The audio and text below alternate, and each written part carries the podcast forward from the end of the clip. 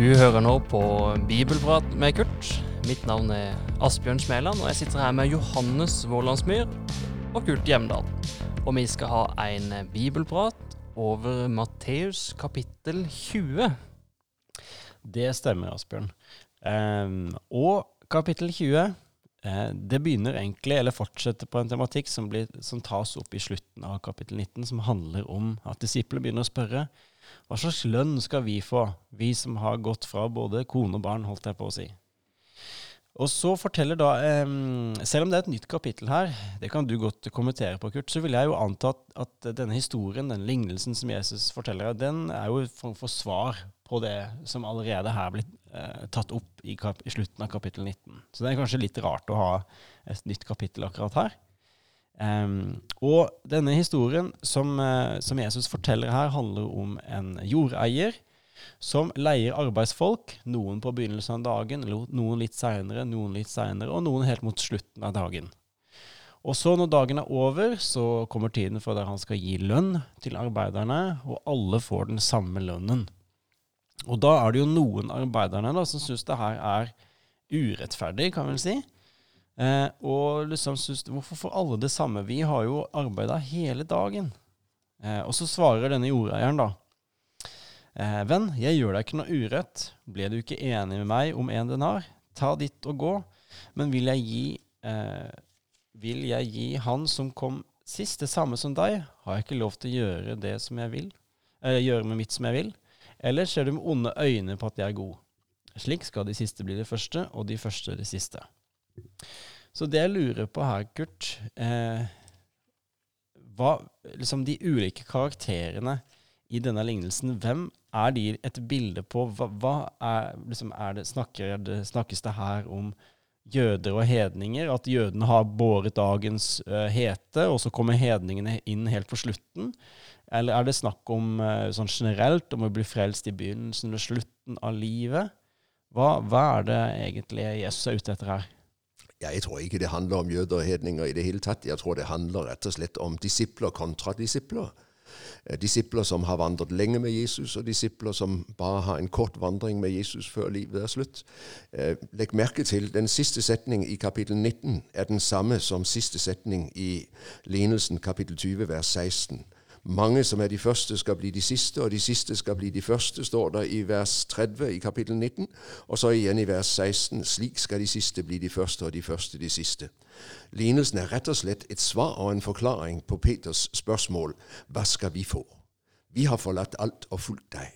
Og Det står jo på bakgrunn av dette med at det er vanskelig for en rik å komme inn i Guds rike. Øh, hvem kan, da bli, hvem frelst, spurte disiplene i vers 25 i kapittel 19. Og Jesus gjør oppmerksom på at dette er bare Gud som kan fikse, dette kan ikke mennesker ordne. Men Peter føler altså vi har jo virkelig gitt opp noe. Øh, den rike gikk bedrøvet bort. Hva, hva får vi? Og så angriper Jesus igjen Peters tankegang, for han er altså verdslig sin tankegang. I kapittel 18 hvem er størst i himmelriket? ikke sant? Det er slik disiplene tenker. Vi så det i kapittel 19 tilsvarende, med de små barna og de voksne. Og nå er det samme problem en gang til. Disiplene tenker i strid med Guds rike og dets verdier. Her handler det om hvem, hva, hva har vi fortjent ved å følge deg? Peter, har du misforstått aldeles? Å følge Jesus er ikke noe, det, det gir ikke grunn til fortjeneste. Det er jo nåde. Du er kalt ut av den gamle tidsalder inn i en ny, inn i Guds rikets tidsalder. Av Guds nåde er du der, og av Guds nåde får du lov å være der. Og du må ikke tenke fortjeneste. Da har du misforstått alt. Og I den sammenheng er det altså at Jesus forteller denne lignelsen om de som har arbeidet hele dagen, og de som kommer inn i siste time og bruker dette håpløse lønnsprinsipp. Det vil aldri fungere i forbindelse med en arbeidskonflikt i et moderne samfunn. Dette er ikke et forsøk på å veilede LO og NHO om lønnsforhandlinger, men nettopp et veldig sterkt poeng omkring dette. I Guds rike tenker man ikke i lønn. Det er nåde å være med. Det er nåde å få lov å følge Jesus. Det er nåde å få lov å bruke hele livsdagen i tjeneste. Det er ikke noe som gjør at jeg skal tjene noe. Og det er viktig. Dessverre er altså de som har satt kapitlene på 1500-tallet, kommet i skade å dele 1927-30 fra 21 til 16, og det er veldig dumt. For disse to tekster burde ha stått sammen. Mm. Det, lignelsen er et svar på det som står i slutten av kapittel eh, 19, altså. Og hva er Jesu poeng? Gud lønner ikke. Gud gir alt gratis. Jeg har iblant møtt i kristne forsamlinger eldre troende som er litt misfornøyd, for de syns de har vært så lenge med at de burde egentlig få litt mer anerkjennelse. Og de blir litt oppgitt når nye kristne kommer inn og blir eh, for, på en måte får lov å være med på like kår med dem. For de har jo ikke gjort noe. Og da tenker jeg oi. Og jeg arresterer det hos meg selv. Jeg håper ikke jeg tenker slik. For å tjene, det er jo ikke, det er jo ikke noe som jeg har ros for, men det er jo Guds gave. Tenk, jeg har fått lov å være med så lenge. Jeg har fått lov å leve i nådens fellesskap. Og undret er at Gud i det hele tatt vil bruke meg. Så ethvert forsøk på å tenke fortjeneste i forbindelse med tjeneste i den kristne forsamling, det er eh, hermed lagt dødt av Jesus selv. I Guds rike tenker man ikke lønn for fortjeneste. Man vet alt er gave, alt er nåde. Og Videre så, så, så, møter vi jo Jesus som igjen snakker om uh, at han skal lide og dø. Og han eh, drar på vei opp mot Jerusalem. Og så tar han eh, disiplene til side, til side, og så sier han Se, vi går opp til Jerusalem, og menneskesønnen skal overgis til overprestene og de skriftlærde. De skal dømme ham til, dø til døden og overgi ham til hedningene, og han skal bli hånt og pisket og korsfestet, og den tredje dagen skal han reises opp igjen. Dette er vel ikke den eneste gangen Jesus snakker om dette her. Tre ganger møter vi det. Og hvis du et øyeblikk vender tilbake til kapittel uh, 19 og talen om ekteskapet, så sto det i kapittel 19 vers um, La oss se i vers uh, Hvor var det vi hadde det med to og tre vitner? Uh, nei, det var i kapittel 18 vers 16. Hvis han ikke hører, skal du ta med deg en eller to andre, for etter to eller tre vitners utsagn skal enhver sak være avgjort. Moseloven sier altså det at i retten så må det være minst to og helst tre vitner for at det kan felles en dom. Ellers så er vedkommende uskyldig. Det holder ikke med ett vitne. Det er veldig interessant at Jesus tre ganger vitner om sin død, mm. og på den måten sørger for å bekrefte dette er ikke noe tilfeldig, men dette er noe som virkelig har full bekreftelse. Eh, jeg skal gå for å dø.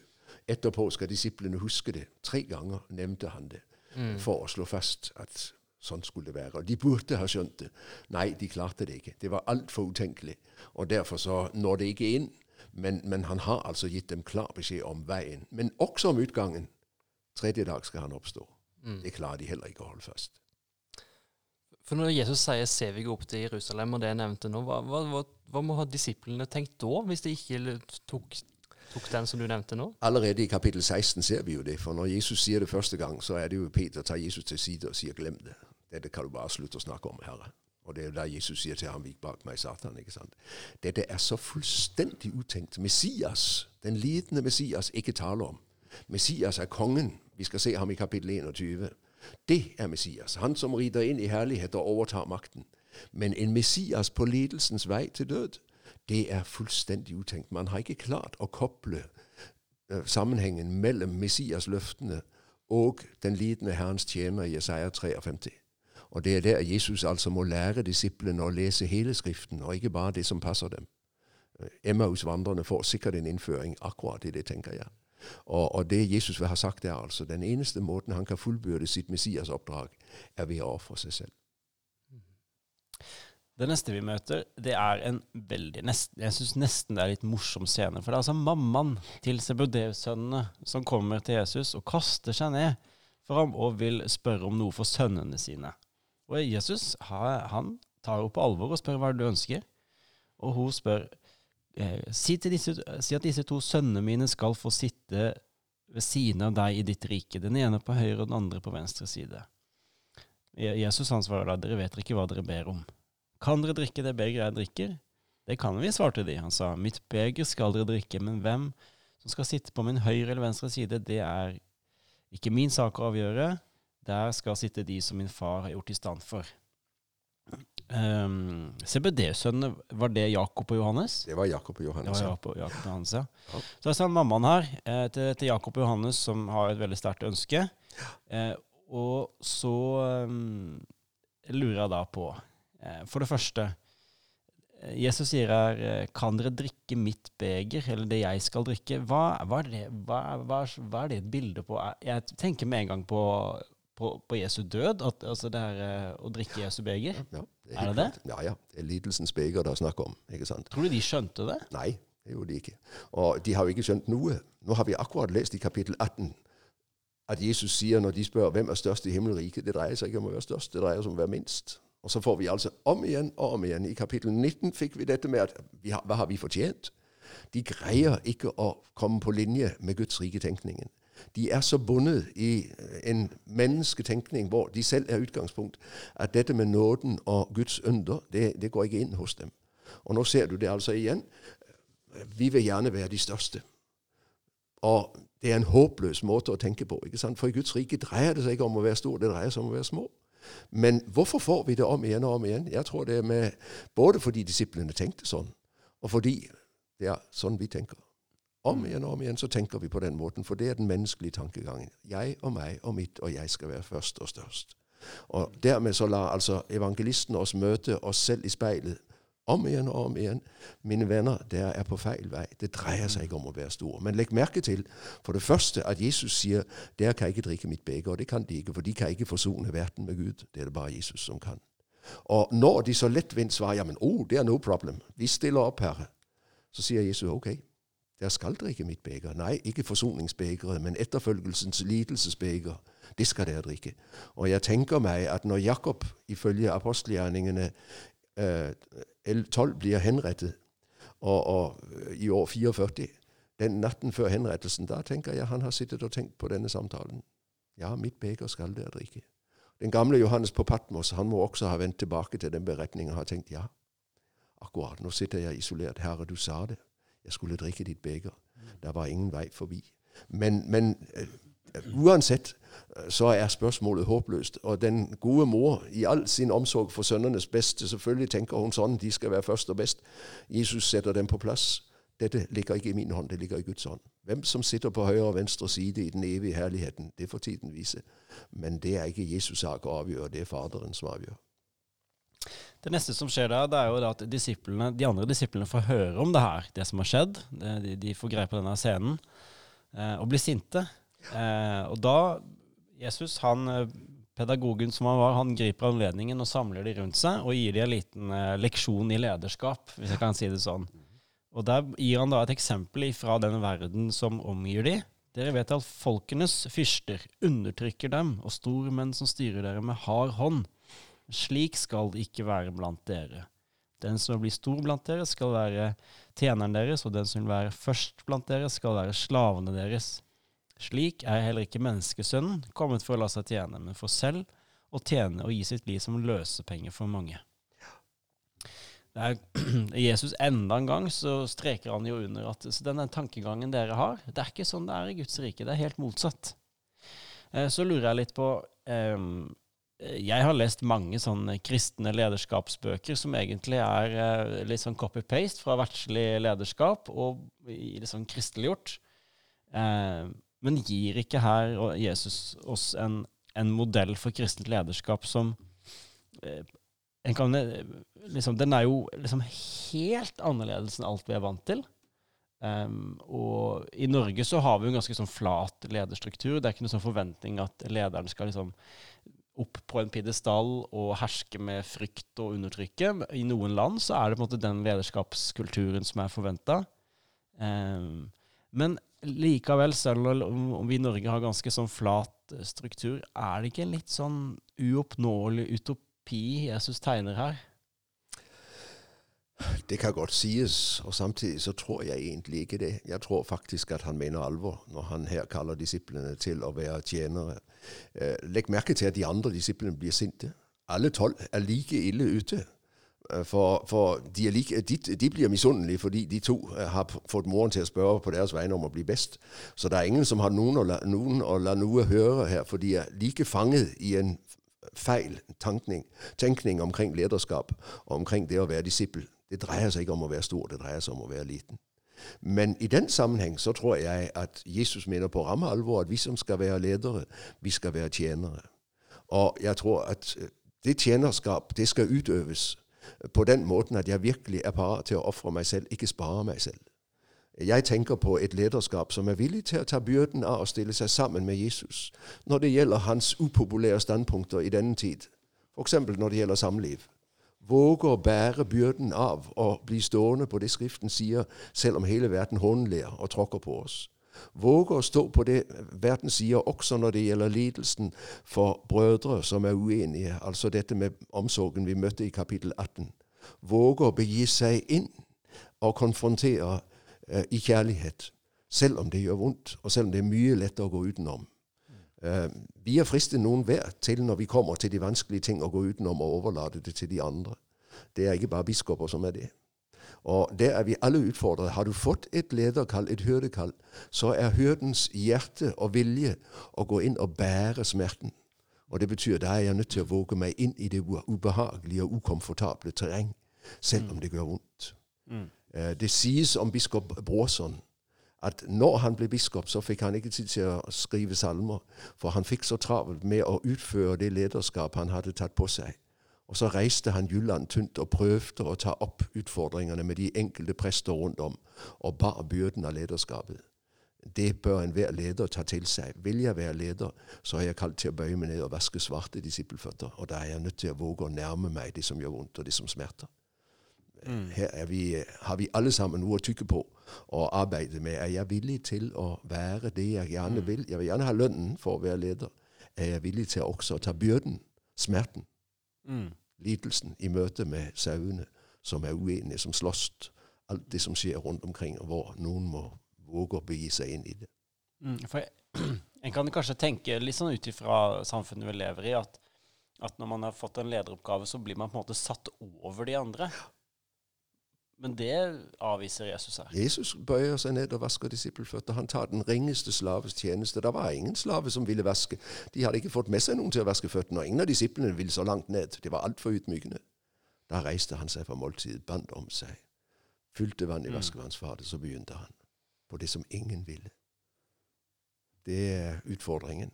Mm. Å våge å ta den ubehagelige jobben, ikke bare den behagelige. Vi vil alle sammen gjerne ha heder og ære, bli sett og mm. løftet mm. opp. Hvem er villig til å gråte med de gråtende og bøye seg ned og ta skitten? Mm. Og det må vel være han som er på vei opp til Jerusalem. Ja. Eh, og det er jo det som Jesus er nå. Han er på vei ut av Jeriko, mm. har med masse folk rundt seg, og der møter han to blinde. Ja. Eh, og så sier den ene 'Ha barmhjertighet med oss, Herre, du Davids sønn' denne her mannen visste hadde et annet, I det at han sier Davids sønn, så må han ha hatt en slags Messias-forventning. Mm. Eh, og det syns jeg er litt interessant. Mm. Eh, men denne miskunn deg over oss, eller ha barmhjertighet med oss, eller Kyrie eleison, som en ofte kjenner det fra liturgien, mm. det har jo blitt en av kirkas aller viktigste bønner. Hvorfor har det blitt det? Nei, fordi vi alle sammen trenger barmhjertighet. Og det er jo veldig interessant at hvis du går inn i høymessen, eh, slik som den fra gammelt har vært utformet, så henter den alle sine ledd fra Skriften. Enten det er gloria, ære være Gud, det møter vi jo i neste setning, eller i neste beretning om Jesus into, som inn, rir inn i Jerusalem. ikke sant? Eh, ære være Gud i det høyeste, og det er englesangen eh, fra Betlehemsmarken. Så både Kyrie eleison og alt det du møter, det er hentet ut av Skriften. Og ropet om barmhjertighet det er et felles rop, for det er jo ikke bare de to blinde som trengte det. Men det er veldig interessant, og det er her du har det fra. altså. Og Blinde var de, tiggere var de. Det er et elendig liv. Og det er spennende at ryktet om Jesus allerede forteller at han må være Messias, han må være Davids sønn. Så forventningen lever, altså. Og så kommer Jesus med dette spørsmålet ja. til mannen. Hva vil du jeg skal gjøre for deg? Mm. Ikke bare mannen, men mennene. Mennene, ja. ja. ja Lukas sier vel kanskje at det var bare én mann? Både Markus i Markus-beretningen uh, uh, snakker om Bartimeus i kapittel 10, og ja. da er han bare én. Ja. Men det er helt tydelig det har vært to. Det har vært to. Markus utelater den ene. Han har vel kjent Bartimeus, så dermed har han ikke behøvd å fortelle om den andre. Men, men det har tydelig vært to, sier Matteus. Ja. Og Og Jesus han åpner himmelen for dem. Hva vil dere jeg skal gjøre? Alt er mulig. Og de får det de ber om. De blir Mm. seende. ikke sant? Jesus er kommet for å gjøre blinde seende. Det så vi med Johannes døperen i kapittel 11. Og nå bekrefter det seg. Han er den som gjør blinde seende. Det er han. Og vi skal snakke mer om Jesus i det kommende kapittelet, altså kapittel 21. Var det gildt å høre på denne podkasten, må du gjerne gi en gave til Nordmisjon sitt arbeid, f.eks. på VIPS med nummeret 94272, eller besøk oss på nordmisjon.no agder.